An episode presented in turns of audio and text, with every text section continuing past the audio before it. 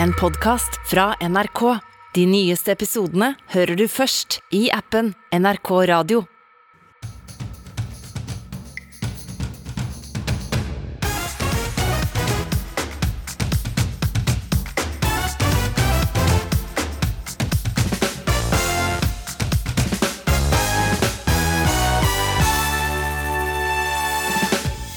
Denne uka åpnet familien Austbø hjemmet sitt for en ukrainsk familie.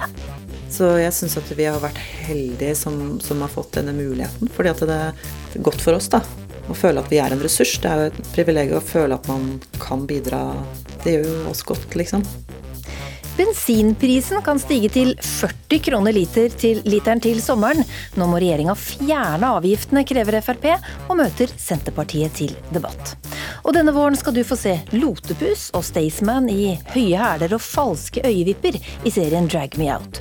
Håpet er at programmet kan gjøre en forskjell for dem som føler seg annerledes i skolegården, sier drag-youtuber Marius Hagen. Som vi hørte i nyhetene, så nærmer de russiske styrkene seg den ukrainske hovedstaden Kyiv. I natt og i dag tidlig er det hørt flere eksplosjoner rundt byen, og flyalarmen har gått. Nå har den flere mil lange kolonna med russiske militære kjøretøy som har stått like utenfor Kyiv, begynt å bevege seg, og korrespondent Yama Wolasmal, hva skjer der nå? Altså Denne kolonnen som har stått eh, fast i over en uke, har eh, deler av de kjøretøyene, de militære kjøretøyene har omgruppert seg, så de står ikke lenger eh, på rekke og rad eh, i 60 km. De har tatt inn ved skogholt og eh, på sideveier. Og så vites det ikke om det er fordi et angrep på hovedstaden er nært forestående, eller om de har gjort dette for å unngå å bli angrepet av ukrainske styrker. Fordi en lang militærkolonne som står og venter, er et lett mål for ukrainerne, som har fått ganske avanserte droner fra tyrkerne, som de har brukt ganske effektivt for å stoppe denne type kolonner. Men kolonnen befinner seg fortsatt 25 km fra Kyiv. Og Det at denne kolonnen har stått, så, stått stille så lenge, hva har det betydd for ukrainerne? Ja, det har gitt ukrainerne mye bedre tid til å forberede seg på en offensiv mot uh, hovedstaden. President Zelenskyj sier at han er i byen, han har ikke tenkt å forlate byen. Ordføreren sier at de er klare. Der har ukrainske styrker uh, forskanset seg, de har fått inn forsyninger. De er godt forberedt, de kjenner byen bedre enn noen andre. Uh, og hvis verst kommer til verst og russerne angriper og det går mot gatekamper, så har ukrainerne utvilsomt en klar fordel militært men for de sivile, de to millioner menneskene som fortsatt befinner seg i eh, Kyiv, vil dette være et mareritt for bykrig. Det blir fort store dødstall, og det kan fort uh, få store konsekvenser for menneskene som bor i byen. Du fortalte i Dagsrevyen i går om tusenvis av fremmedkrigere som nå reiser for å bli en del av en fremmedlegion, både på ukrainsk og på russisk side. Hvordan vil dette påvirke krigens gang? Så Det kan vise seg å bli ekstremt blodig. Vi har denne erfaringen fra krigen i Syria, som tiltrakk seg eh, krigere fra hele verden på begge sider av konflikten. Og Nå ser vi nøyaktig det samme skje her i Ukraina. Ukrainerne har stablet på beina en fremmedlegion. De går åpent ut og sier til folk over hele verden vi ønsker dere velkommen, kom hit, dere skal få våpen. Kjemp på vår side, kjemp for demokratiet. Og ifølge myndighetene her så har folk fra frivillige fra 52 land meldt sin interesse. Mange hundre av dem er allerede på plass her. Og På russisk side så har russerne gjort det akkur akkurat det samme. De har fått inn tusenvis av uh, beryktede tsjetsjenske soldater som har uh, ganske lang kamperfaring. Og de har også fått lovnader fra Syria om at syriske soldater skal komme og kjempe på deres side de har masse erfaring med bykrig hvis det går i den retningen. Så dette kan bli veldig, veldig stygt. Takk skal du ha, Yama Wolasmal og reporter Charlotte Berrefjord Bergløff. Du står på den andre sida av den ukrainske grensa og følger flyktningsituasjonen inn til Polen. og Der venter de bl.a. på 120 barnehjemsbarn som er ventet å komme over grensa. Fortell hva du vet om disse nå.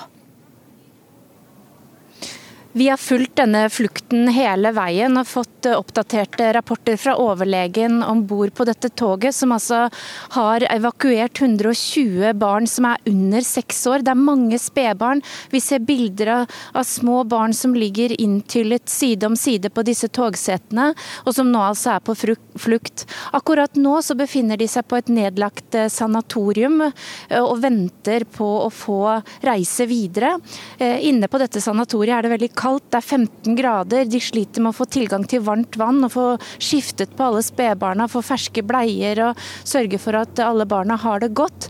Eh, og det som SOS eh, Barnebyer, som også er involvert i denne evakueringsprosessen, eh, etterlyser, er jo litt raskere, altså litt fortgang i det juridiske papirarbeidet her, så de kan få dem ut kjapt. fordi akkurat nå så venter de da på beskjed fra de ukrainske helsemyndighetene om hvordan de rent juridisk skal krysse grensen, og ikke minst også hvor de skal krysse grensen. Eh, hvilken eh, grense som nå er tryggest for denne dette toget fylt med barn og ansatte med egne barn, eh, som nå forsøker å komme seg i sikkerhet. Ja, hvorfor ble disse sendt ut av barnehjemmet øst i landet?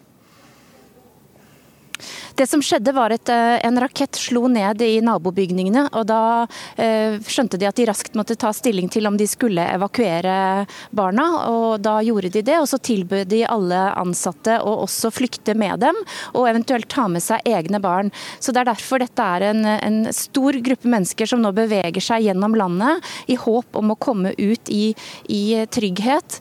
Men det er foreløpig usikkert eh, hvordan den videre ferden går, og hvilken grense de vil krysse over. Ja, Barna får ikke komme over grensen til EU ennå. Hva er grunnen til det? Nei, Det er denne juridiske hengemyren som det omtales som. De må ha papirene på plass. Og mens de venter, så jobber de jo på spreng med å, å holde barna eh, i form. Og, og holde dem eh, de er jo bitte små, mange av dem. Små spedbarn. Passer på at de har det bra, at de ikke fryser for mye i og med at det er såpass kaldt. Eh, mens da også diplomatiet her selvfølgelig jobber på spreng gjennom mange ulike kanaler for å få dem ut i trygghet så fort som mulig. Mm. Kort til slutt, kommer de til Norge? Eh, Norge vurderer disse mulighetene nå, hvem som kan eh, ta eh, barna imot, og hvordan man kan, kan sørge for at de får det, de, det, tilbudet de trenger videre. Men det er ikke ennå sikkert hvilket land de eventuelt vil komme til, og hvem som vil få ansvaret for dette. Ansvaret for disse barnehjemsbarna er jo nå et statlig ansvar i Ukraina, og da må man undersøke hva ukrainerne tenker om dette også. Takk skal du ha, Charlotte Bærefjord eh, Bergløf. Mange av dere lyttere har spørsmål knytta til situasjonen Europa befinner seg i nå, og flere er bekymra for om krigen kommer til Norge, også de vi møtte på gata. Ja, vi snakker om det hver dag over frokost, og Jeg har jo vært i Bosnia selv når det var krig der nede, så Det er så brutalt. Vi skyter jo folk. Det, det er ikke noe som betyr noe. Mennesker betyr jo ingenting. Og det er da vi tenker også, i hvert fall jeg tenker veldig mye på, på de minste barna, barnebarna våre. da. De har vært så beskyttet. De har vært så utrolig beskyttet. Og hvordan kan man forberede de på dette her som eventuelt kommer? Vi får jo bare inderlig håpe at det ikke kommer hvilken eh, vilje har de til å virkelig gå ut og risikere å bli drept eller lemlestet? Mm. Det er jo Og så er det jo det at vi er jo for, nesten for gamle. Du vil jo gå ut med geværet gå på skulderen. Men, men, eh, vi er jo nesten for gamle til å gjøre så veldig mye. Men jeg har jo ikke noe kondisjon til å løpe og sånt noe, så du, du kan si Jeg tror ikke vi kommer til å flytte så mye på oss. Nei. Senere i sendinga skal vi høre om ekspertene kan gi oss svar på alle spørsmålene vi har rundt eh, krigen. Han er så allsidig fra utfor til storslalåm, og det er gull nummer tre! 3.30 foran det Silvestro! Gull nummer tre! Den fjerde medaljen på fire øvelser! Sånn hørtes det ut for to dager siden da kongen av Paralympics, alpinist Jesper Saltvik Pedersen, igjen tok gull i Paralympics i Kina. Og i morgen er det en ny sjanse for mannen som kjører i opptil 120 km i timen, sittende på én ski. Jesper, gratulerer! Jo, tusen takk. Hva betyr disse medaljene for deg? Nei, Det er jo dette vi har jobba mot uh, veldig lenge. Uh, og Tidligere i sesongen så hadde vi jo VM på Hafjell, uh, som gikk veldig bra. Der jeg godtok tre gull. Så å klare å gjøre det i hvert fall like bra her med en konkurranse igjen, det, det er noe vi har drømt om veldig lenge, egentlig. Du kommer jo fra Karmøy, som vi kan høre, og det er ikke akkurat et sted vi forbinder med ski. Hvordan fikk du interessen for ski? Nei, Det er helt sant. Det er noe jeg hører, hører oftest, egentlig. At uh, Hvordan det kan gå an å være så god i alpint og komme fra Karmøy. Uh, men uh, det er bare to timer til, til um, skianlegg, egentlig. Vi har hatt leilighet i Røldal veldig lenge.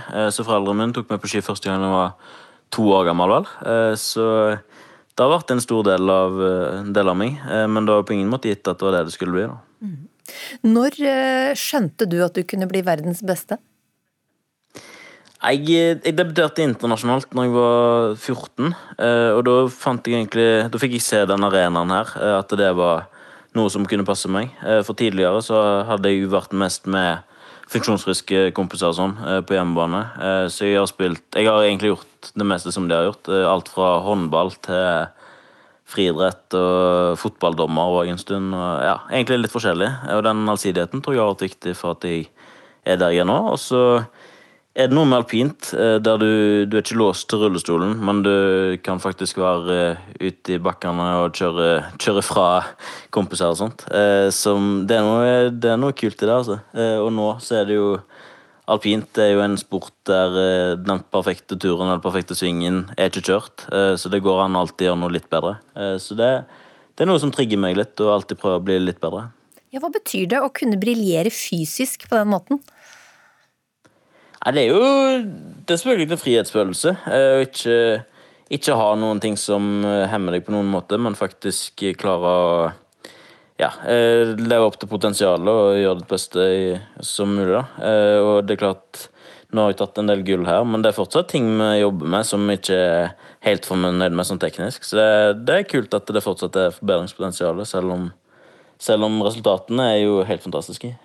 Ja, og du setter jo utfor de samme løypene som alpinister med to ski kjører. Hvilke ekstra utfordringer gir det å kjøre eh, sitski? Det er jo Jeg jobber med mye av de samme arbeidsoppgavene, egentlig, eh, som de funksjonsfriske. Eh, så det er mye det samme det går i. Og her i, i Paralympics så kjører vi jo samme løyp, løypene som i OL, så vi har fått sett litt på OL da, for å se hva vi går til. Så det er kult at vi kan samarbeide litt med de funksjonsfriske lagene. Eh, og være, være, en del av de attacking Vikings med også. Og klare å ja, nytte, nyte, godt av kunnskapen til hele laget, egentlig. Men vi må jo spørre deg. Vi fleste har jo nok med å holde oss på beina på to ski. Nå håver du inn gull, men det har vel blitt noen fall på deg opp gjennom årene også? Hvordan er det å falle på sitski? Uh, Nei, det, jeg er egentlig en av de mer stabile løperne i verdens uh, worldcupsirkuset. Uh, så jeg tryner egentlig veldig lite, uh, men det er klart det har skjedd med meg òg. Uh, så det, det, handler egentlig bare om å ja, møte fallet på best mulig måte. det er ikke så mye du får gjort når, når du mister kontrollen. Altså, noen lange sekunder før du, før du treffer bakken. men ja, det går som regel bra. Det er klart det er skuldre og litt sånt, det er litt utsatt. Men det har gått greit til nå, iallfall. Og så ja, eh, Det er ikke så mye du får gjort med det. Men vi har en, jeg har en sånn klosse bak på bindingen, eh, for jeg har ikke noe knær å ødelegge. Så det er ikke poenget at eh, skiene løser ut. Så, så lenge skiene ikke løser ut, så kan jeg egentlig komme meg opp helt selv. Og det er jo egentlig veldig greit. Da ønsker vi lykke til i morgen, Jesper Saltvik Petersen. Drivstoffprisene har skutt i været, og dette merker også Scooterungdom, som må ut med en tusenlapp for å fylle tanken. Hvis du kjører mye, så går det kanskje én tanke om dagen. Så det er dyrt å ha det gøy. Jeg har ermen i kvermen, kjerra på stell, sladder i Chevrolet På pumpa så står det 26-23 faktisk. Hva syns du om det her, Mats? Jeg kan ikke si. Det svir, men du må bare lære. Og når du har fått betalt strømmen, så er det nesten ingenting igjen? Jo da, jeg klarer seg, men det er jo, det er jo stivt, da. Kjører jeg med knappen i bånn, har du noe penger i fond? Men jeg fester i en campingvogn, full gass, brekk. Pumpeprisen kan fortsette opp mot 30 kroner. Ja. Kjerra drikker bensin, gutta barn med brennevin. Til lyden av en timemaskin. Så sette igjen eh, bilen i garasjen, det er det beste rådet jeg kan gi. Og det er jo egentlig slik markedet er ment å fungere. Akkurat nå er vi midt i krisa. Det er midt i krigen. Eh, det er veldig mange ting som skjer samtidig. Så vi jobber jo da med å se på det ulike grep man kan gjøre for å få ned kostnadene for folk. Bensin- og dieselprisen har økt voldsomt denne uka. Literprisen nærmer seg 30 kroner, og analytikere spår at vi må enda en tier opp til 40 kroner literen innen sommeren. Hans Andreas Limi, stortingsrepresentant for Fremskrittspartiet og medlem av finanskomiteen. Du er med fra landsstyremøtet for Fremskrittspartiet, og dere gikk inn for å fjerne drivstoffavgiftene denne uka. Hvor mye vil det bety per liter i avslag? Det betyr at eh, pumpeprisen reduseres med ca. 8,5 kroner på bensin og 7 kroner på diesel. Eh, og dette er forslag som vi fremmer nå i Stortinget, og det er eh, i, i første omgang helt nødvendig å gjennomføre drastiske reduksjoner i avgiftene, nettopp for å hindre at vi får drivstoffpriser som, som, ender på 40 kroner per liter innen sommeren, slik som enkelte analytikere mener at vi kan oppleve hvis vi ikke gjør noe. Skal avgiftene fjernes permanent, eller skal det bare være nå som drivstoff er dyrt? Fremskrittspartiet vil ha lavere drivstoffavgifter permanent, men i første omgang så er dette et akuttiltak i den situasjonen vi står i. Og Det betyr at eh, avgiftene må fjernes eh, så lenge det er nødvendig eh, for å kompensere for de høye oljeprisene. Finansminister Trygve Slagsvold Vedum hadde ikke anledning til å komme i dag, men det hadde heldigvis du, Geir Pollestad, parlamentarisk nestleder i Senterpartiet og medlem av finanskomiteen på Stortinget. Fremskrittspartiet syns også det er på tide å fjerne avgiften, og du mener det lyder litt uh, hult. Hva mener du med det? For først uh, så er jo uh, sånn at Senterpartiet mener at prisene nå er for høye. De må ned, og hvis dette vedvarer, så må vi fra regjering ta grep. Men det er klart Frp, når de satt i regjering sjøl, eh, så skrudde de jo opp avgiften i landet. Mens eh, Siv Jensen eh, var finansminister, så økte avgiftstrykket med 6,3 milliarder kroner samla. Men nå, når de er i opposisjon, så har de det veldig travelt med å kutte avgifter. Men jeg tror at i den situasjonen som vi står i nå, det er krig i Europa, det er usikkerhet rundt veldig mange faktorer. Drivstoffprisene er uakseptabelt høye. Da må vi eh, stå sammen politisk, og så må vi eh, se hvilke grep kan vi gjøre. Og jeg mener definitivt at avgiftskutt er ett av grepene som en må vurdere. For det er ikke holdbart at den situasjonen vi har nå, skal fortsette framover. Ja, men det øker og øker dag for dag. Hvorfor gjør dere ikke noe med det? Jo, men det er en eh, krigssituasjon. Det er mye usikkerhet. Eh, og vi jobber eh, beinhardt med å se på hvilke løsninger vi kan sette inn. Eh, og kutt i avgifter er definitivt eh, en av de tingene som eh, vi vurderer. Men det er ikke, det er ikke så veldig lang tid tilbake siden prisene tok av. Sånn at det gi oss litt tid til å få vurdert hva som er den beste måten å håndtere dette på. For det er klart Hvis drivstoffprisene skal opp mot 40 kroner, så vil jo et fullt fjerning av drivstoffavgiftene utgjøre kanskje 6 eller 7 kroner, så det vil jo fortsatt være høyere priser enn de prisene vi har nå. og Det er veldig veldig dramatisk både for folk sin økonomi og for næringslivet. Limi, hva med å bruke bilen mindre da, når eh, det er så dyre priser?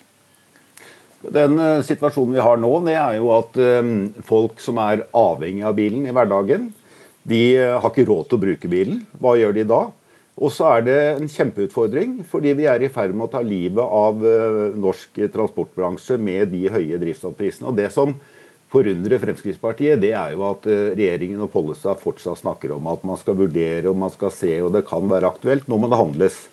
Eh, og Det er derfor vi nå fremmer dette forslaget i Stortinget og håper at vi får andre partier med på det for å avhjelpe en ganske dramatisk eh, situasjon. Fordi det er ikke bare drivstoffprisene som nå er ekstremt høye. Vi har ekstremt høye strømpriser. Matvareprisene stiger. Den største månedlige oppgangen eh, på 40 år, som vi registrerte forrige måned. Så nå er det altså slik at eh, vanlige folk sliter med å dekke de løpende utgiftene. Da kan politikerne gjøre noe. Det vi kan gjøre i første omgang, det er å fjerne avgifter. Og Det håper jeg at Senterpartiet også ser, at de kan stå ved noen av sine løfter. Dere har økt avgiftene. Nå er det mulighet til å gjøre eh, en reduksjon og være med på det forslaget som Fremskrittspartiet fremmer. Skal dere stå ved løftene deres, Pollestad?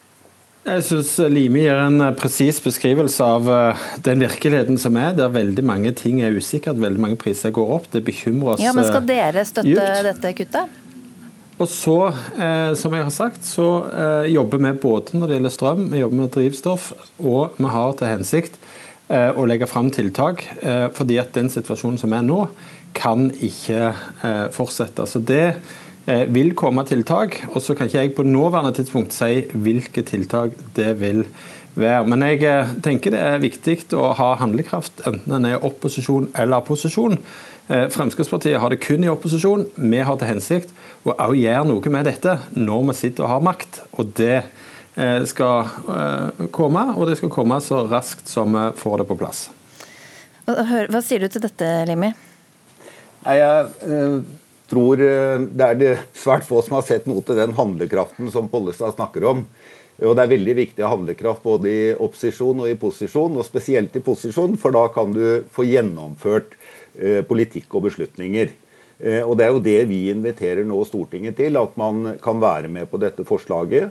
Slik at vi da får redusert pumpeprisen med henholdsvis 8,5 og 7 kroner per liter. Det vil hjelpe folk flest som er avhengig av bilen, spesielt i distriktene.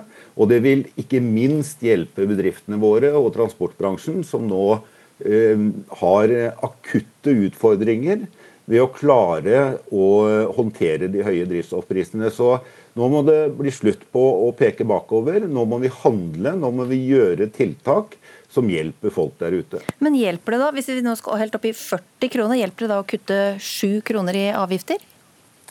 Fremskrittspartiet vil også be regjeringen forberede eh, reduksjon eller fritak i merverdiavgiften på drivstoff eh, hvis de høye prisene fortsetter. Så her er det i første omgang å fjerne avgiftene, og så forberede en reduksjon i merverdiavgiften for å kompensere ytterligere. Ja, Pollestad, eh, er som merverdiavgiften den blir jo bare mer, blir bare mer og mer kroner ut av jo høyere drivstoffprisen eh, blir. Er det et aktuelt eh, tiltak å kutte den? Ja, vi ser først og fremst på eh, avgiftene som er på bensin og diesel eh, nå. Og så mener jeg at eh, en annen og også betydelig viktigere eh, ting er å se hva kan vi gjøre eh, med den markedssituasjonen som ligger til grunn for at prisene har økt så mye. For det er verdt å ta med at eh, vi kutta eh, avgiftene sammenlignet med det Solberg-regjeringen hadde foreslått når vi tok over. Og vi har en regjeringsplattform som sier at vi skal kutte i drivstoffavgiften. Og Det har vi til hensikt å gjennomføre. Og så står vi nå i en helt spesiell eh, situasjon som er veldig krevende å håndtere. Og da ber vi, eller så skal vi så raskt som mulig, når vi ser at dette blir en vedvarende situasjon, sette inn tiltak sånn som vi har gjort for privatkunder på strøm. Det må vi òg eh, komme opp med tiltak for å lette eh, hverdagen med bensin- og dieselprisene. Fordi at prisen nå er en tier for høyere enn det den bør være. Det høres ut som vi ikke har en eh, avklaring ennå. Takk skal dere ha, Hans- Andreas Limi og Geir Pollestad. Har du et spørsmål du ikke føler du har fått besvart når det gjelder krigen i Ukraina? Jeg er jo psykiater, da. Og jeg lurer på hva det er som er inni hodet til Putin. Det gjør jeg. Det jeg tenker mest på er, eller lurer mest på, blir jo hvor langt kan Putin eh, dra det? Vil det komme til Norge? Vil det gå utover familien min? Vennene mine? Men det blir jo spennende å se hva som skjer innad i Russland. eh, I forhold til de sanksjonene som kommer nå. Nå I dag så trekk, trekker jo EU enda lenger opp, EU-landet, med økonomiske sanksjoner. Nei, Jeg lurer jo også på hvorfor ikke liksom, verdenssamfunnet griper inn. Eh, hva er det som gjør at eh, Jeg skjønner jo at det er politikk ute og går, men, eh, men dette her er jo så hårreisende gærent at ja, hvorfor, hvorfor griper vi ikke inn? Folk har mange spørsmål rundt krigen i Ukraina, og det har vi her i NRK fått erfare. På nrk.no har vi en tjeneste som heter NRK svarer, og der leserne kan sende inn spørsmål de har bl.a. knytta til eh, krigen, og så får de svar fra Norges mest erfarne eksperter på området. Og flere tusen spørsmål har kommet inn etter at Russland invaderte Ukraina. Og Camilla Guldal eh, Cooper, førsteamanuensis ved Stabsskolen ved Forsvarets eh, høgskole, du er en av ekspertene som har eh, svart for eh, harde livet. Og et av spørsmålene som har vært eh, hyppig stilt, er hvorfor FN og Nato ikke gjør mer for å hjelpe Ukraina. Hva er svaret på det? Det er jo et veldig godt spørsmål som jeg skjønner at folk lurer på. Ehm, og det korte svaret er nok at situasjonen er veldig komplisert. Fordi enhver handling kan få så utrolig store konsekvenser. Så Nato er jo bekymra for å komme i direkte konflikt med Russland. Fordi dette kan da eskalere til en storkrig. Og så virker ikke det folkerettslige systemet sånn som det skal gjøre når det er stormakten er involvert. Så da får man en litt sånn pussig situasjon som vi har nå. Men hva kan FN gjøre og ikke gjøre? Altså Normalt så kan jo FN beslutte at stater skal sende væpnede styrker til et konfliktområde. Det så vi i Libya f.eks., sett i Afghanistan. Men for å få til dette sånn at de kan bruke makt utover bare å forsvare seg selv, så må man ha et eget vedtak fra Sikkerhetsrådet. Og i Sikkerhetsrådet så sitter Russland. Og da blir det sånn at de kan stoppe en slik stemme, og det har de også gjort. Og da kommer man ikke lenger med denne muligheten for sikkerhetsresolusjon. Så da blir det litt fastlåst situasjon. Mm. Um, og da må man bruke de andre alternativene som er. Vi kan hjelpe til med å forsvare, sånn som uh, Ukraina. Vi kan jo be om hjelp, men da blir vi jo denne frykten for eskalering igjen, og så havner vi på det andre, som er sanksjoner. Mm. Og Vi skal også til Bergen, for der har vi med deg, Lise Rakner. Du er professor i statsvitenskap ved Universitetet i Bergen og seniorforsker ved Christian Michelsens institutt. Du har også svart eh, undrende nordmenn på NRK i løpet av uka, og vi hørte i starten her at det er flere som lurer på hva som skjer med Putin. Kan du fortelle oss det? Nei, det, det, det, kan jeg ikke. Da måtte jeg vært hans eh, nærmeste venn, og det er mye som tyder på at kanskje han ikke har så veldig mange helt nære nå. Og så tror jeg nok at Putin er en mann som kanskje akkurat nå hører det han vil høre, og får den informasjonen som passer i hans bilde. Når det er sagt, så tror så er det som skjer nå, kanskje ikke så overraskende hvis vi skal prøve å tenke oss inn i Putins hode og ambisjoner. For det følger en ganske klar linje helt tilbake fra han kom til makten i 2000. Og han følger, sånn som jeg ser det, veldig mange av kapitlene i diktatorens lærebok. Som jo handler om å systematisk jobbe med å få bort eh, alternative maktkilder, få bort motstemmer, eh, finne seg den perfekte fiende, som i dette tilfellet selvfølgelig er Vesten og liberale verdier. Og så ikke minst kampen om informasjon. Og informasjonen som eh, går ut til den russiske befolkning, er jo helt annerledes enn den som vi ser. Så jeg tror at dette her er Det, det, det går på en måte at, på, langs noen dimensjoner, tror jeg, etter Putins meget langsiktige plan. Og Camilla Cooper, mange lurer på om Norge blir en part i krigen når vi sender 2000 eh, panservernraketter av typen M72 til eh, Ukraina. Blir vi en part? Nei, vi blir ikke en part i væpnet konflikt. Det er ikke nok å sende våpen. for at det skal være part i væpnet konflikt, må det være bruk av militærmakt. Og kort sagt så må det være norske styrker også involvert. Ikke nordmenn, men norske styrker på vegne av staten. Men hvor er disse våpnene da, som vi har eh, sendt nå? De har nådd eh, fronten og er i bruk i Ukraina mot russiske styrker. Lise Rakner, verdenssamfunnet har satt i gang mange sanksjoner mot Russland og Putin. Bl.a. Eh, nektet russiske idrettsutøvere å delta på idrettsarrangement. Og mange stiller spørsmål om dette kan være med på å stoppe Putin. Hva tror du? Et jeg tror at sanksjoner virker. Og jeg tror at eh, både sånn eh, kulturell, og herunder sportsboikott, og ikke minst økonomisk boikott virker. Det virker fordi at det, det, på en måte rokker med denne kjempesterke nasjonsfølelsen som, som, Putin har prøvd å bygge opp. Og det virker på, på en måte, hva skal jeg si, moralen til det landet som er angrepet, altså Ukraina. Og på lang sikt så virker de økonomiske sanksjonene fordi at det påvirker regimets mulighet til fortsatt krigføring. Det kanskje det beste eksempelet er jo når eh, Kongressen i USA snudde i 1990 og innførte kraftige sanksjoner mot Sør-Afrika da, da, Det hadde en stor effekt, og ikke minst idrettsboikott. Akkurat som sørafrikanere så er den russiske befolkningen enormt opptatt av idrett. Og dette her, det rokker med selvbildet. Og det er viktig, for det er et nasjonalt selvbilde som har vært suksessivt og systematisk bygget opp de siste ti årene. Og så er det denne enorme russiske militærkolonnen som etter å ha stått stille lenge, nå har beveget seg i retning av eh, Kyiv, og mange stiller spørsmål om dette. Hva kan vi vente at denne kolonnen kommer til å gjøre, Camilla Cooper? Det ser jo ut som planen har vært å omringe Kiev. Eh, nå er det vel eh, nye rapporter på at det begynte å bryte opp litt, den kolonnen. Men det, var jo det virket som det var det som var planen, at den skulle til Kiev og omringe Kiev. Eh, og rett og slett tilbake til gammeldags beleiringskrig, som Europa ikke har sett siden andre verdenskrig. Og så ser vi her nå at det er folk som spør hvorfor man ikke bruker cyberangrep mot eh, Russland, slik eh, Russland har gjort mot eh, Vesten til å slå ut russiske datasystemer. Jeg vet ikke om en av dere er, føler dere kallet til å svare på det? Det er altså Cyberoperasjoner er jo også en del av det militære verktøykassa, så cyberangrep er også et angrep. Og Det vil da også gjøre til at vi blir en part i den væpnede konflikten. Og så er det slik innenfor cyberdomenet at det er enda vanskeligere å skille mellom sivilt og militært enn det er i de mer tradisjonelle domenene, fordi det er enda mer sammensatt eh, domene. Så da er det rett og slett vanskelig å sikre at man treffer mål. Og da vil et sånt angrep da eh, være Hvis f.eks. Russland da, angrep et Nato-land med sånt cyberangrep, ville det utløse paragraf 5 eh, om at et angrep på ett Nato-land er et angrep på, på, hele alliansen? Det kan det gjøre, ja. Det kan også trygge artikkel 5, og det tror jeg Stoltenberg også bekreftet eh, senest denne uke her. Mm.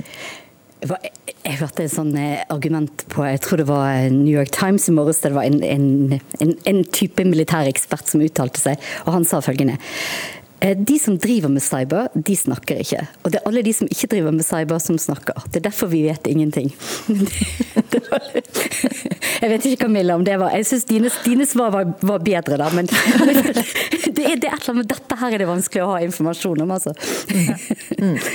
Og så er det jo selvfølgelig et spørsmål som går igjen hos de som spør, og det er om det blir krig i Norge. Og det er jo et fryktelig vanskelig spørsmål å svare på. Hva er eh, din analyse, Rakner?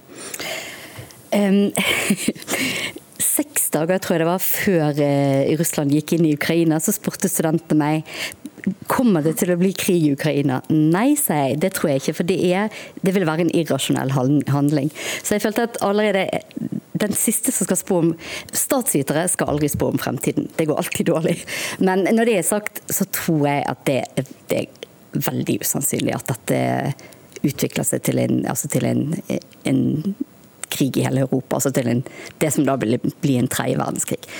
Tror, det tror jeg er veldig usannsynlig. Da forsøker vi å, å, å, føle oss beroliget av det svaret. Og tusen takk for svarene så langt, Lise Rakner og Camilla Cooper. Mandag er det 14 år siden Martine Wiik Magnussen ble drept i London, og håp om en løsning er nå stort etter at en kvinne denne uka ble pågrepet, mistenkt for å ha hjulpet drapssiktede Farouk Abdullak med å rømme. Hun ble pågrepet i London tirsdag morgen og løslatt mot kausjon etter avhør. Og Nyhetssjef i VG Marianne Vikås, du har fulgt denne saken hele veien. Du har skrevet boka 'Martine jakten på rettferdighet', er nå med på å lage en dokumentar om denne saken. Hva betyr betyr denne pågripelsen for saken? Jeg vil jo si at dette er en betydelig utvikling i en sak som eh, på mange måter har stått stille i 14 år, i hvert fall utad. Så det var jo sånn at han, eh, Den eneste mistenkte i saken, eh, Farouk Abdullah, rømte jo til, eh, til Egypt og Jemen allerede før Martine ble funnet drept. Politiet har aldri fått avhørt han, og nå, plutselig, 14 år etterpå, så er det ei kvinne da som blir pågrepet. En svært interessant og ikke minst overraskende utvikling. Politiet er jo så langt eh, stille om denne pågripelsen og hvem denne personen er. De skal ha en eh, pressekonferanse på mandag. Hva er det venta at de sier nå? Det er veldig usikkert, fordi at uh, britisk lov er ganske annerledes enn norsk, sånn som jeg er vant med. Så lenge hun, den kvinna her bare er mistenkt, så er det lite de kan si. Nå er det sånn at hun er løslatt mot kausjon. Um, og da uh, er det da en frist på uh, eh, 28 dager der politiet skal etterforske mer uh, og på en måte finne ut hvilken vei dette skal gå. da. Skal saken, saken måtte henlegges, eller kan det bli en siktelse? Ved en siktelse så kan det si mer. Mm. Politiet har igjen anmodet drapssiktede Farouk Abdullah til å melde seg. Kan pågripelsen av denne slektningen få han til å gjøre det, tror du? Jeg vil jo si at i og med at det er snakk om en slektning, som, som, ikke politiet har sagt, men som, som VG i hvert fall kjenner til, eh, så vil jeg si at det vil kunne legge press på han, ja. Eh, fordi at det er ikke en person på en måte som er en ja, Det er en person som har en relasjon til han, da. En nær relasjon. Så det vil, på en måte, det vil bli vanskeligere for han å la denne personen sitte igjen i klemma i London, på en måte? Eller? Det er vanskelig å sette seg inn i hans hode, men, men, jeg tenker helt klart at det er en veldig interessant utvikling. Mm. Eh, Farouk Abdullah drømte altså fra London, eh, som du sa, eh, før man nærmest oppdaget at Martine var eh, drept. Hvordan har eh, livet hans vært siden han rømte? Han dro jo da umiddel, ganske umiddelbart, bare få timer etterpå, til Egypt, eh, der han har vokst opp. Store deler av Store deler av oppveksten hans har vært i, i Egypt, men han dro ganske raskt videre til Jemen. Og der, eh, i hvert fall så vidt jeg vet, så har han det der han har oppholdt seg. Eh, han, eh, det er jo en sånn såkalt red notice hos han, hos Interpol, så hvis han på en måte bruker sitt pass på vei ut av Jemen, inn i et annet land, så skal han arresteres. Derfor er han på en måte Det er jo blitt litt hans fengsel, da på et vis. Jemen er jo et veldig veldig fattig land, det er borgerkrig, svært vanskelig å bo der. Men han er jo sønn av en svært rik mann, og har kunnet levd et, et ganske behagelig liv, sånn som jeg har forstått. Jobba, bor i et hus, har gifta seg, fått barn. Mm. Vi er også med deg, Odd Petter Magnussen. Du er faren til Martine, og du har brukt 14 år på å forsøke å få den mistenkte utlevert til England. Hva betyr denne arrestasjonen, tror du? Jeg deler eh, Mariannes vurderinger av viktigheten av denne personen. Jeg eh, har en veldig klar fornemmelse også av hvem denne personen er, og må bare si det samme som Marianne, at dette er en svært nær slektning. Eh, sannsynligvis. Eh, som eh, hvis arrestasjon og nå husarrest Eh, vil legge et enormt press på resten av Abdullah-familien eh, generelt, men eh, mistenkte spesielt. Mm. Du befinner deg nå i Larvik i en helt spesiell anledning. Kan du fortelle litt om det? Ja, vi er her nede, Martines mor og, og jeg, da, og møter Eh, Mathilde, altså Martines lillesøster, eh, sin kommende jeg holdt på å si, eh, eller, altså brudgommens foreldre, de skal gifte seg i, i slutten av, av, mai. Og vi er her nede for å forberede det bryllupet. Kikke på de stedene vi skal, skal være, kirken osv. Så, videre. så det er en veldig koselig eh, tur vi har tatt ned her i det fine været i dag. Ja, Datteren din Mathilde var 16 år gammel da Martine ble drept. Hvordan har livet vært for henne uten storesøstera si? Hun har savnet, i likhet med alle oss andre, sin søster veldig, veldig veldig mye. De var jo spesielt nære, disse to. Og øh, det har vært utfordringer underveis oppover. Det som har vært veldig viktig for meg å konstatere som, som forelder, både når det gjelder Mathilde, men også hennes eh, bror eh, Magnus, som er, er da eldstemann av de tre. Det er jo i hvilken grad de klarte å fortsette sine studier, gå inn i jobbsituasjoner osv. Så, videre. så til tross for at eh, de emosjonelle utfordringene tidvis har vært betydelige, så, så, har de klart å gjennomføre studiene og, og, fått seg gode jobber og er svært velfungerende, og har nå eh, begge to stiftet eh, familie og fått barn. Så dette er jo en veldig, veldig trivelig og gledelig utvikling, syns vi, da, som foreldre. Ja, hvordan har søsknene opplevd denne, eh, denne kampen da, som du har kjempet i disse 14 årene? Jo, jeg har jo fått veldig støtte for, for, det jeg har gjort. Men vi besluttet veldig tidlig eh, i saken når jeg så at eh, det ikke var så lett å få hjelp andre steder fra, så måtte vi ta en stilling til om vi ønsket å, å forsøke privat da, altså gjøre noe i denne saken. Og Da ble vi enige om at eh, resten av familien skulle skjermes for det som jeg eventuelt da måtte gjøre. Bruke media, uh, sosiale medier osv. Det eneste de måtte forberede seg på, det var at de måtte se sin søster over fjernsynsskjermer og avisforsider og, og sånt noe. Fordi media har vært liksom det eneste verktøyet jeg har hatt for å prøve å påvirke Eh, denne situasjonen, skape press osv. Og, og jeg har eh, en fantastisk eh, god erfaring med norske medier i, som støttespillere, nærmest, altså, i, i, denne saken. Og det har vært helt avgjørende. Mm. Marianne er jo ikke minst en av de fremste holdt å si, aktører som har gått inn i denne saken på en ekstremt profesjonell og god måte. Ja, og du lager en, en dokumentar, Marianne Vikås. Eh, hva kan vi vente av den? Det er ikke jeg som lager dokumentaren, men jeg bidrar inn på en dokumentar som Monster lager, um, som skal vises på Discovery. Um, så, så, ja. Uh, der jobber vi hardt med å, å gå opp spor og, og finne ut uh, nye ting. Mm. Uh, tusen takk, Odd Petter Magnussen og Marianne Vikås. Og så får vi si lykke til med bryllupet og dattera di, og takk for at dere ble med i Ukeslutt. Jeg beklager de feilene jeg har begått. Jeg tror nok det er en rekke feil. Um, mange av de ligger da altså 15 år tilbake i tid. Det er grunnen til at jeg ønsker å rydde opp. At jeg beklager. At jeg betaler en ekstra skatt. Og at jeg tar ansvar ved å gå av. Det er en av Aps dyktigste politikere som nå står ribbet tilbake, skrev VG etter at Hadia Tajik trakk seg som statsråd og så som nestleder i Arbeiderpartiet. Nok en politiker som måtte gå etter avsløringer om pendlerbolig og skattegrums, men vil hun klare å finne veien tilbake til toppen? Noen har fått ødelagt sin karriere for alltid, mens andre har klart å kare seg tilbake helt i toppen. Jeg er vanvittig fortvila, og jeg er forbanna. Vi har sett det i idretten. Åh, det fins ikke ord. Som med langrennsstjerna Therese Johaug, som gjorde comeback etter dopingdommen.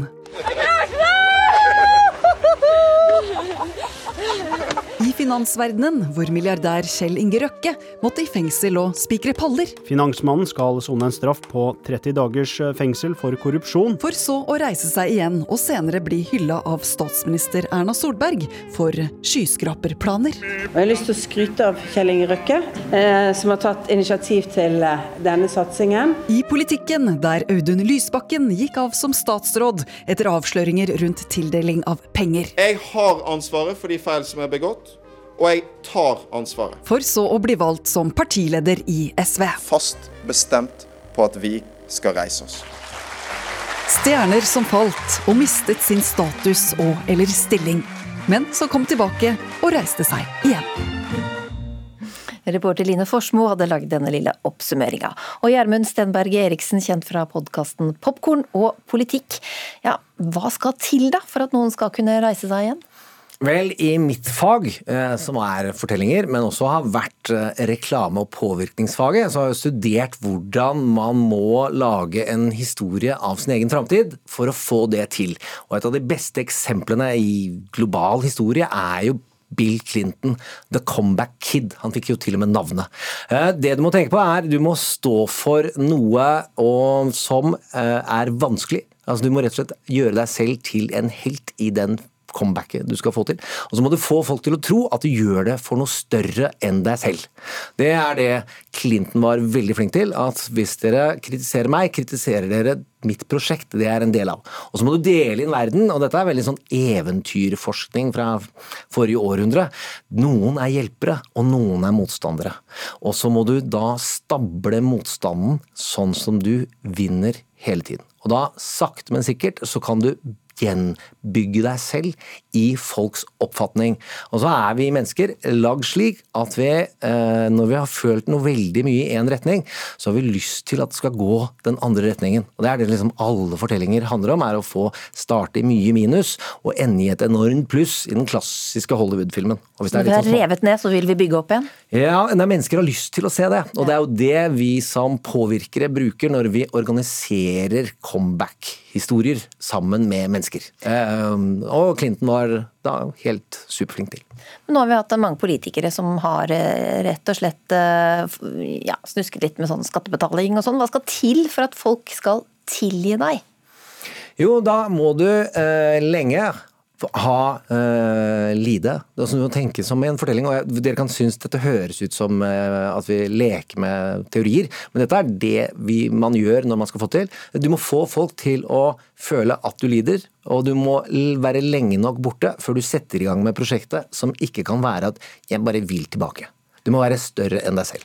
Og så vil folk da endre oppfatning av deg hvis du da har mange nok motstandspunkter hvor du oppførte deg ordentlig. Og som er jo egentlig bra at du oppførte deg ordentlig på veien tilbake, så det er ikke noe etisk kritisk nødvendigvis med det. Men det er ikke sikkert du er endra som person når du kommer tilbake, men du har klart å endre folks oppfatning.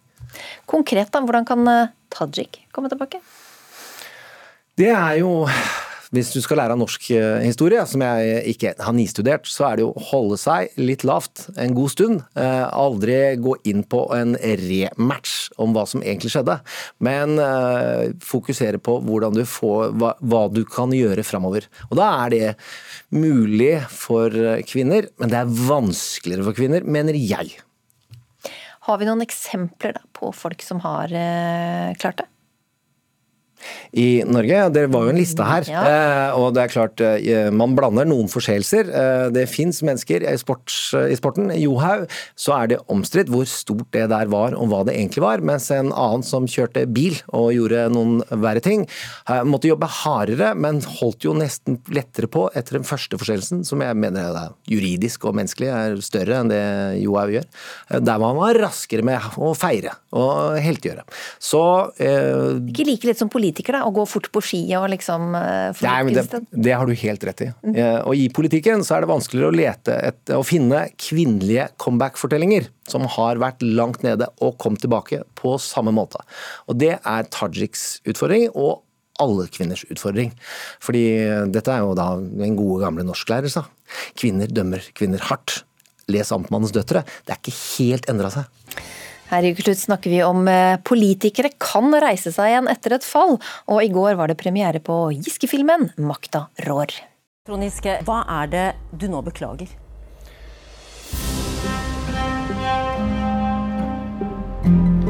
Det tok veldig kort tid fra Trond Giske tok sjølkritikk på Dagsrevyen og til han var i full kampmodus igjen. Kan du si noe om hvorfor du er med på denne filmen? Jeg vet ikke helt hvor mye jeg er med ennå, så vi må ha en diskusjon om det. Okay. Hva kan vi lære av metoo generelt? Er det mulig for deg å snakke om? Jeg er egentlig avskåret for å delta i en fornuftig debatt eh, om det. Filmen handler om Giskes fall etter diverse metoo-anklager fra jenter opp gjennom årene, og den handler om hvordan han forsøkte å gjenvinne tillit i partiet. Ukeslutt så filmen, og etterpå spurte vi folket hva de syntes. Filmen var god. Og det viser et bilde av en eh, forskrudd person som aldri kommer til å forandre seg. Hva syns du, da? Nei, Jeg syns også det var en interessant film. Og jeg, jeg, lurer litt på om jeg fikk sympati for han eller ikke. Men jeg, På sett og vis så gjør jeg litt det, tross alt. Det er interessant. Hvorfor det? Ja, fordi at det er noe med at han, han er så flink til å snakke for seg. Og at du får liksom allikevel, til tross for alt jeg vet om han, så, så får jeg allikevel litt sånn følelse av at ja, ja, uff da. Tror du han kan komme tilbake i toppen i norsk politikk? Jeg, jeg, jeg har vondt for å tro det, men jeg vil ikke bli veldig overrasket. Nei, jeg tror han er eh, Han har kjørt seg så langt ut fra eh, posisjoner som, eh, som, gjør at han Jeg tror ikke han klarer å komme tilbake. Og jeg håper det jo heller ikke da. Her var det mye delte synspunkter. ja, ja, men det er derfor vi er gode venner. Tone Sofie Aglen, politisk kommentator i VG. Filmen hadde premiere rett etter at Hadia Tajik gikk av som eh, nestleder. Utrolig timing, skriver du. Ja, det er jo det. For det kunne jo fort ha vært en film som var litt sånn uh, gårsdagens uh, historie. Men uh, jeg tror alle som så Hadia Tajik sitt fall da hun måtte gå av som statsråd og trakk seg også som nestleder, ikke klarte å, å få bort bildene av Giske-saken og den konflikten som var mellom de to. Hovedplottet i filmen 'Makta rår' viser hvordan Trond Giske to ganger prøver å gjenreise seg til et nytt tillitsverv, etter at han måtte gå av som nestleder i Arbeiderpartiet. Og i går så sa han til TV 2s Ærlig talt at han ikke utelukker et eh, comeback. Hva tror du? Nei, Er det noe jeg har lært meg i norsk politikk, så er det å ikke spå verken om hvem som går ut eller hvem som kommer inn, og særlig ikke når det gjelder Trond Giske. Eh, han avskriver jeg aldri. Og når han nå er i full gang med å starte sitt eget lokallag i Trondheim og bruke mye tid på det, så vil jeg i hvert fall tro at han ikke føler seg helt ferdig med norsk politikk. Du har skrevet om politikere som eh, feiler og faller og veien tilbake. Hvilken eh, strategi valgte Giske? Ja, Han valgte jo i hvert fall ikke den helt sånn åpenbare med at han ber om tilgivelse og erkjenner sine feil, for det er jo det som mye av kritikken mot han har handla om. Eh, det han derimot eh, prøvde på, var liksom å, gå litt sånn til kjernen og, og bygge seg opp med å reise rundt i landet, være til stede på små I en rød campingvogn? Ja, en rød campingvogn. På små sånne eh, grendehus hvor det var få tilhørere. Og, og gjør seg til en litt sånn grasrota stemme mot eliten i, i, byen. Og han holdt jo på å lyktes langt på vei med det, for han var jo veldig nær å få et nytt tillitsverv to ganger, faktisk. Men likevel så snubla han på, på målstreken. Hvorfor det?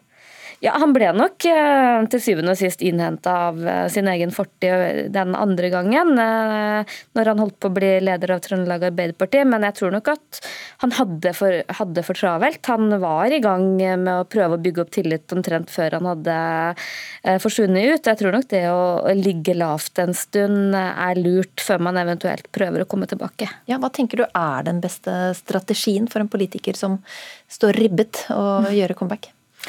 Jeg tror i hvert fall uh, veldig mye på det der å erkjenne den feilen du har gjort, uh, og beklage den uh, på en måte som folk faktisk tror på. For det er jo liksom litt sånn, skal du komme videre, så, så, så tror jeg det er smart. Og så tror jeg liksom det med hardt arbeid, begynne liksom som en stortingsrepresentant da, og, og, og, gjøre jobben og vise at man står på for partiet sitt og klarer å bygge seg opp, at det er en god vei.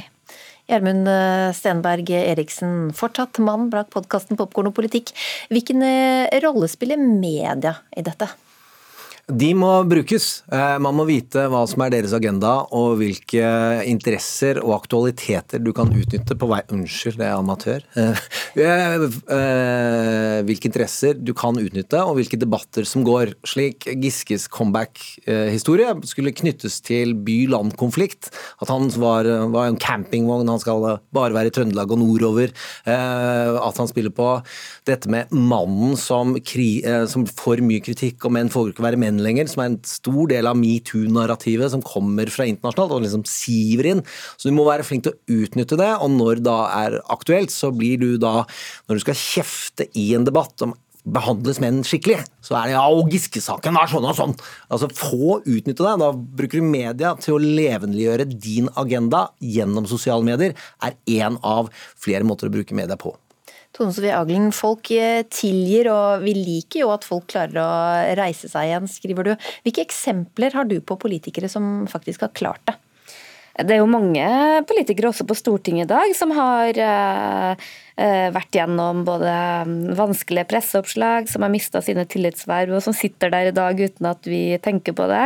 Bård Hoksrud i Frp for eksempel, er jo et sånt eksempel. og uh, Det er jo også flere statsråder og som har kommet tilbake igjen. Eh, Terje Søviknes er vel en eh, helt åpenbar kandidat, uten at jeg nødvendigvis tror at, eh, at, det han gjorde var glemt. Men han kom i hvert fall tilbake både som nestleder og ble statsråd. Og så er jo Sylvi Listhaug er jo et uh, veldig godt eksempel. Hun måtte jo gå som justisminister, men kom ganske fort tilbake og ble partileder. Men det er noen ganske annerledes sak, og alle de sakene her er jo veldig forskjellige også. Så det er jo litt avhengig av hva man faktisk har gjort.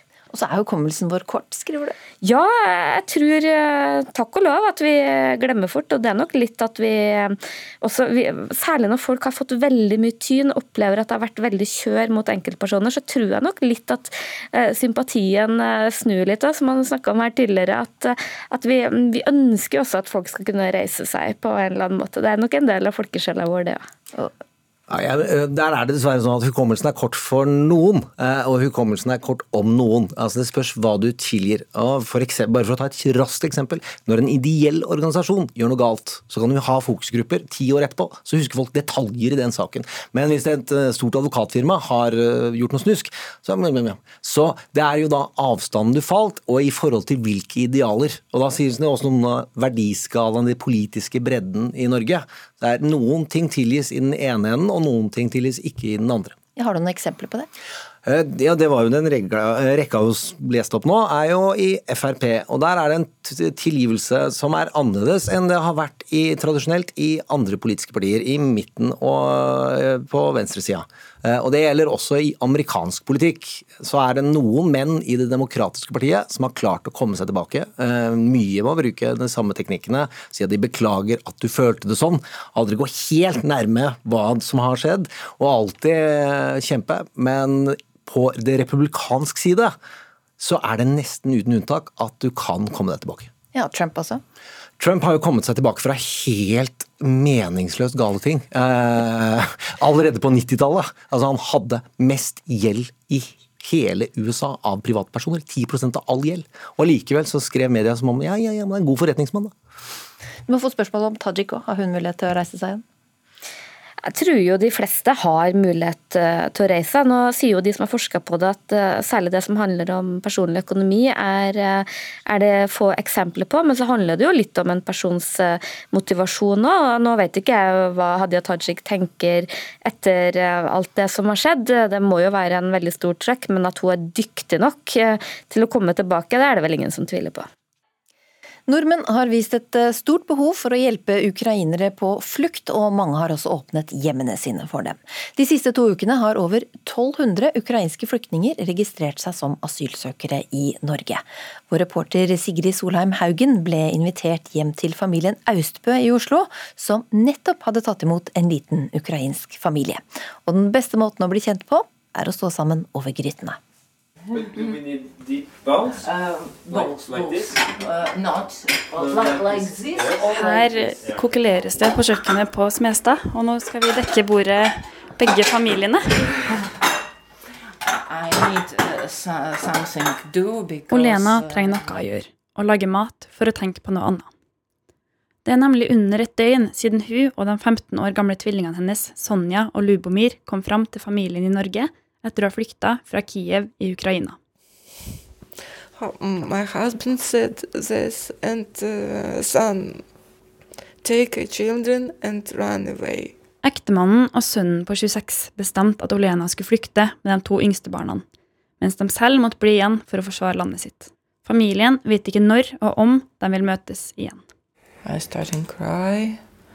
Jeg begynte å gråte og skjønte ikke hvorfor jeg måtte dra, forteller Olena. Krigen kom overraskende på mange ukrainere, og da russiske styrker angrep, trodde Olena lydene kom fra byggearbeidet utafor vinduet deres.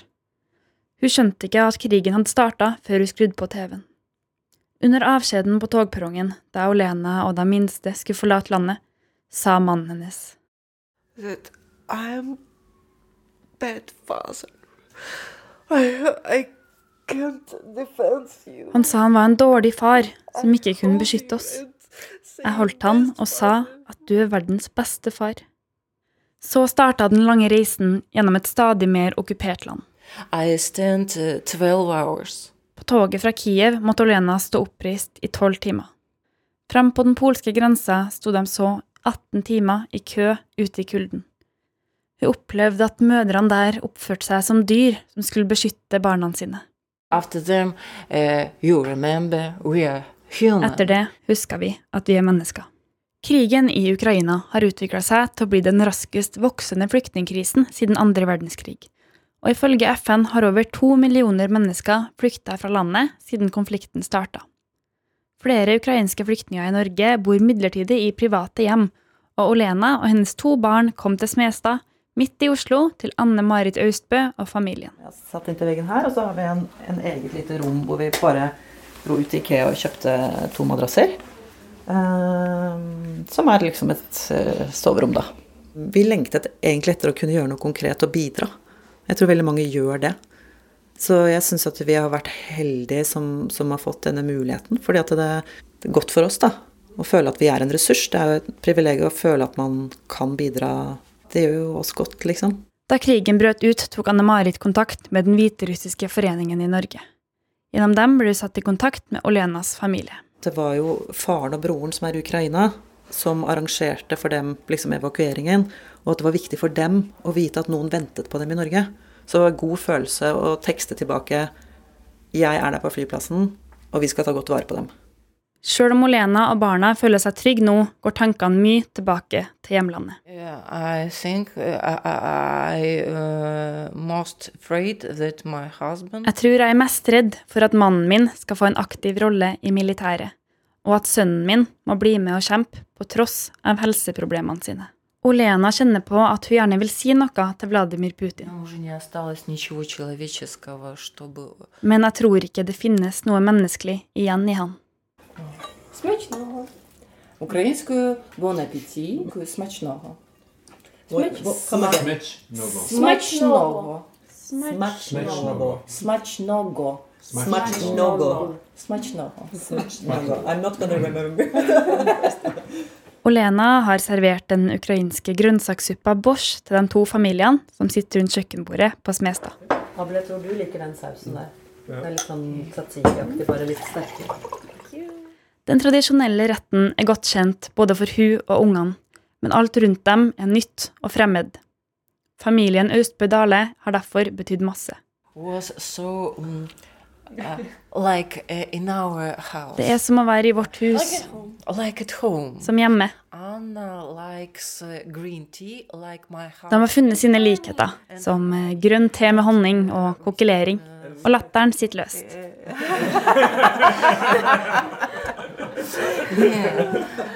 På tross av den uvanlige situasjonen. Denne våren skal du få se Staysman og Lotepus i høye hæler, lakkerte negler, milelange falske øyenvipper og ellers mye glitter og glam. TV Norge og Discovery har nemlig fått med seg en rekke kjendiser som skal forvandles til drag queens som en del av Skeivt kulturår 2022. Og Janne Formoe, du er eh, programleder for eh, Drag Me Out. Hva er det egentlig seerne skal være med på? Nei, det er jo altså selvfølgelig masse glitter og stas og gøy og eh, en uformell konkurranse, vil jeg si, mellom to kjendiser som får hver sin dragmom, eh, som skal lære de å bli drag, og de skal gå inn og finne sin indre femininitet, da, og eh, ut i en liten konkurranse. Et forrykende show som Pamela Di Pam, eller Marius Hagen, som sitter ved min side, eh, og Jan Thomas og en gjestedommer eh, bedømmer da, med kjærlighet. Men det handler jo om mye mer enn det. For det handler jo om å si noe om at ikke det er farlig å være seg sjøl, eller tørre å leve ut den du er, og at det er interessant at mennesker som ikke er i drag, tør å gjøre det. For det gjør noe med det, rett og slett. Nå har du allerede avslørt at vi har Marius Hagen også med her. og Vi skal få en liten stemningsrapport fra da du, eh, da du holdt på under opptak denne uka.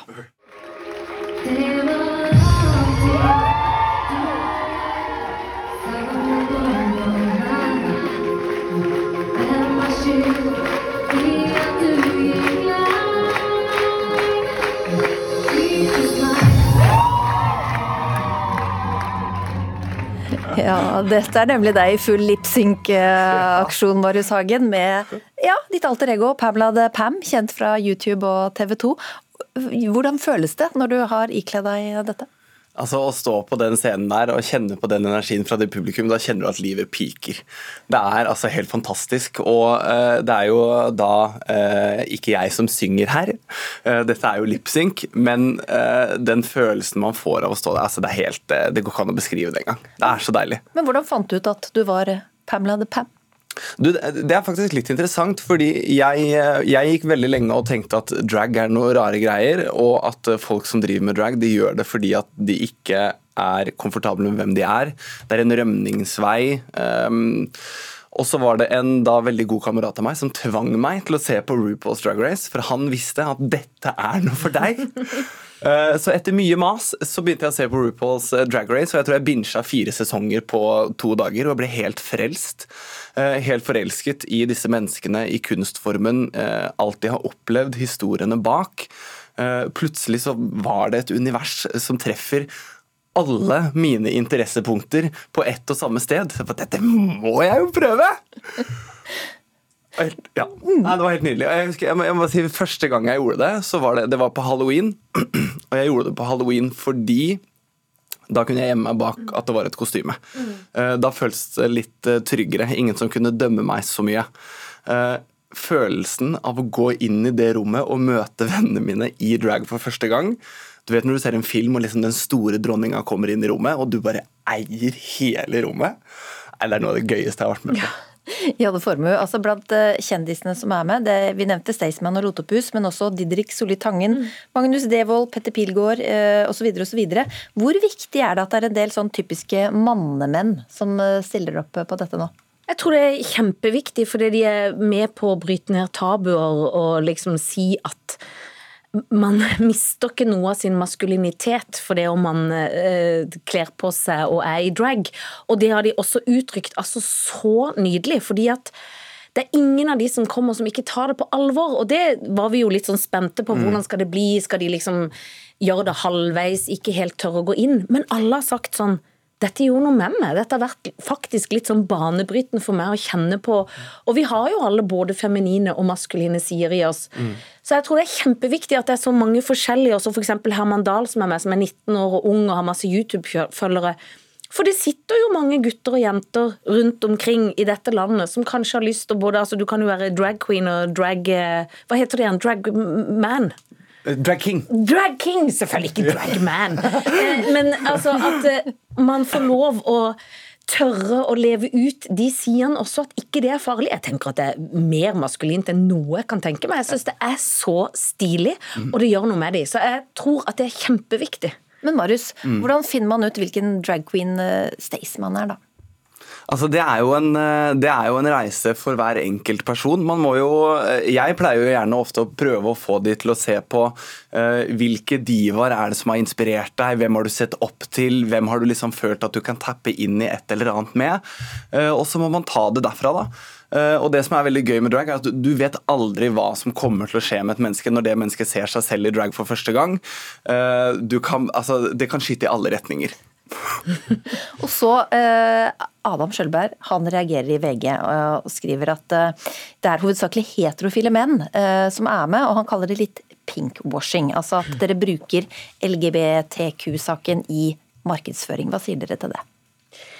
Altså, Det må jo han gjerne få lov å mene. og det, Jeg skjønner at han er redd for det, men jeg skulle ønske at han hadde sett programmet, for det er absolutt ikke sånn.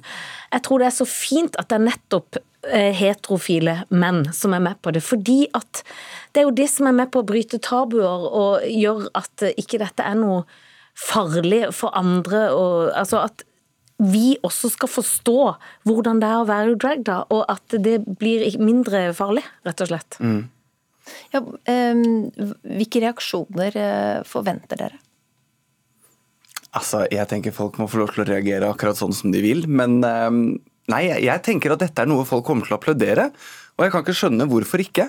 Altså her, altså Det eneste vi gjør her, er å feire uh, alt som kanskje veldig mange anser å være veldig annerledes. Uh, vise at aksept kan komme fra alle hold, uh, ved at Staysman står der og gjør det han gjør, og ikke tuller det til når han gjør det.